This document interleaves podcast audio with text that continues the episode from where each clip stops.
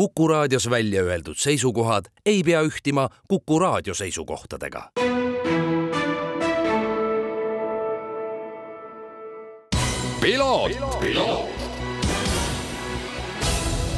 tervist, head Kuku raadio kuulajad, eetris on järjekordne saade Piloot ja mina olen saatejuht Margus Kiiver. tänases saates jätkame jutuajamist võidusõitja Ralf Aroni ja Eesti Autospordi Liidu presidendi Toivo Asmeriga. Ja kui eelmises saates rääkisime teemal rahvusvaheliste suurte võidusõitude Eestisse toomine, siis sedapuhku pöörame pilgud hoopiski Ralfi noorema venna Pauli tegemiste peale aga intervjuu jätkub juba mõne hetke pärast, ennem seda aga toredad ja positiivsed uudised autospordi vallast nädalavahetuselt, samuti ringrajaga seotud. nimelt sõideti siis äh, Hispaanias Aragonis järjekordne etapp Euroopa Le Mani kereautode võistlussarjas ning äh, seal siis Proton Competitioni koosseisus äh, sõidab ka Martin Rump ning Martin on ka varem öelnud, et äh, ikkagi poodiumile tahaks hirmsasti tõusta. sõidab ta siis koos kahe tiimikaaslase Michael Fassbenderiga, tegemist siis jah, tõsi, näitlejaga, kellel ka väga tõsine võidusõiduhuvi ning väga tugev austerlane Richard Leeds. ning lõppkokkuvõttes nelja tunni sõidul oli situatsioon selline, kus siis oli võimalik võimalik äh, viimasena rajal olnud Martin Rumbil tõusta poodiumile ning seda ta ka tegi ja kõige põnevam ja võib-olla kõige magusam oli see, et äh, selles siis äh, jäeti selja taha teine Proton Competitioni auto, mille roolis oli viimases vahetuses Julian Andlauer ja Rump on ise öelnud pärast võistlust, et ega läks, läks ikka tegelikult seda kohta sealt püüdma, ega muud eesmärki ei olnud ja sedapuhku sujus kõik kenasti, nii et väga positiivne väga positiivne uudis siis nädalavahetusel äh, Euroopa Le Mani sarjast. aga sellel nädalavahetusel jätkub siis äh, meil äh, vormel üks sari, mis eelmisel nädalavahetusel siis suvepuhkuselt tagasi tuli. Sandboardis oli väga põnev võidusõit,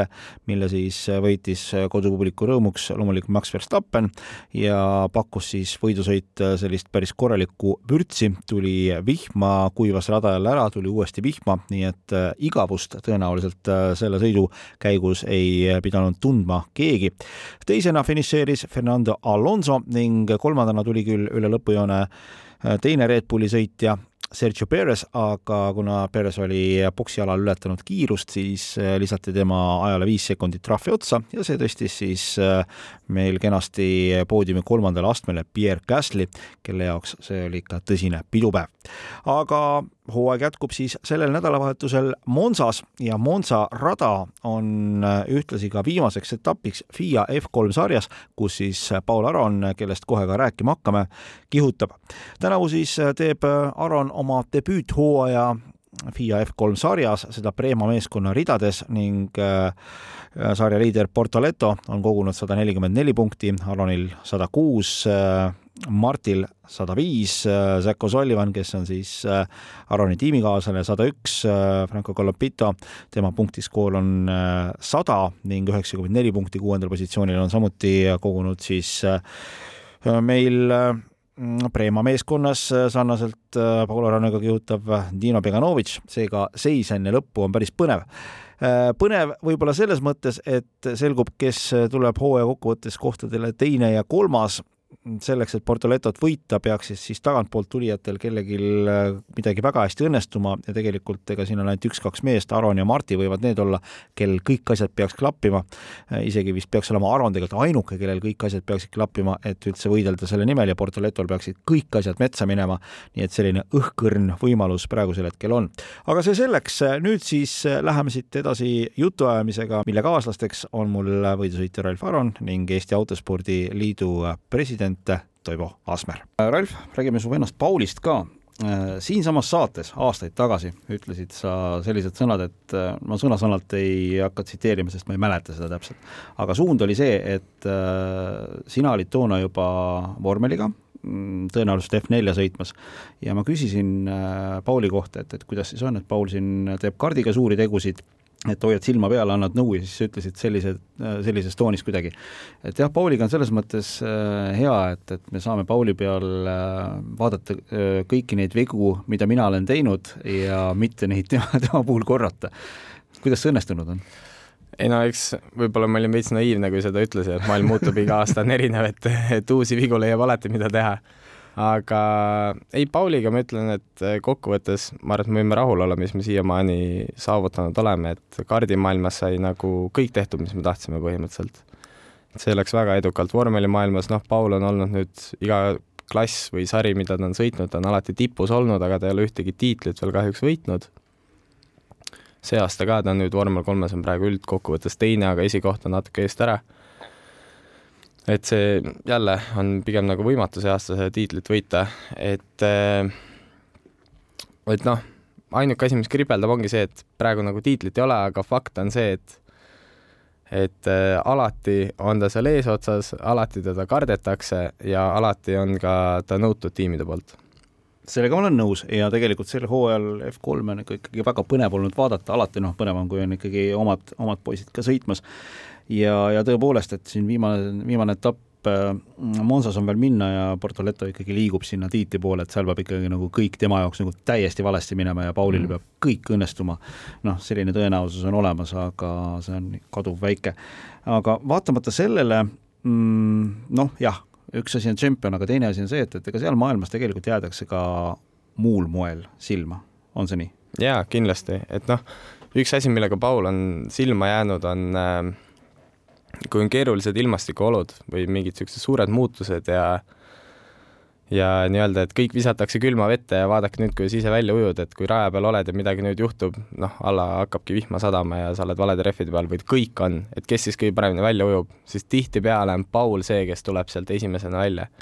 kui me vaatame see aasta ka Red Bull ringis tuli äh,, tuli vihm maha ja nad kõik olid, kõik sõitjad olid väga vähe vihmaga sõitnud see aasta, siis Paul tuli kaheksandalt esimeseks ja läks pika puuga eest ära ka et Paulil on olnud selliseid etteasteid, kus selgelt kõik näevad, et okei okay,, ta suudab olla, kui asjad klapivad, ta suudab olla peajagu üle kõigist. ja noh, eks seda nagu paljud, äh, paljud natukene otsivad ka, eks natuke mingeid talendimärke ja nii edasi, aga see ei ole, see ei ole piisav. aga inimesed otsivad seda äh, sellepärast, et seda talenti ja selliseid olukordi, kus sa oled peajagu üle, seda treenida on väga raske. No kuidas sina kõrvaltvaatajana mm, ütled, proovi võib-olla nagu ennast praegu välja tõmmata sellest, et Paul on su vend, et äh, ta on hetkel liikumas äh, top kolm kursil, kenasti F3 sarjas hetkel teisel positsioonil. Mm, kas järgmine aasta, no ütleme nii, et kas oleks nagu see, et, et okei okay,, et paned siin F3-e kinni, edutatakse F2-e, noh, siis justkui peaksid nagu F2-s ka kohe edukas olema, kas see on nagu selline pide-, pigem nagu niisugune wishful think, wishful thinking või, või on see nagu reaalsus ka, sest kusjuures tegelikult F3-s ma vaatasin, et rookid on tegelikult alati olnud kuidagi väga kiired. jaa, ja just see aasta ka me teadsime seda juba enne aastat, kuna näha oli, et paljud eelmise aasta tipuvennad liiguvad F2-e, et see kindlasti nagu toob seda, annab võimalusi uustulnukatele juurde aga teine asi on see ka, et see Pauli generatsioon, kes tuleb praegu ülesse, nad on äh,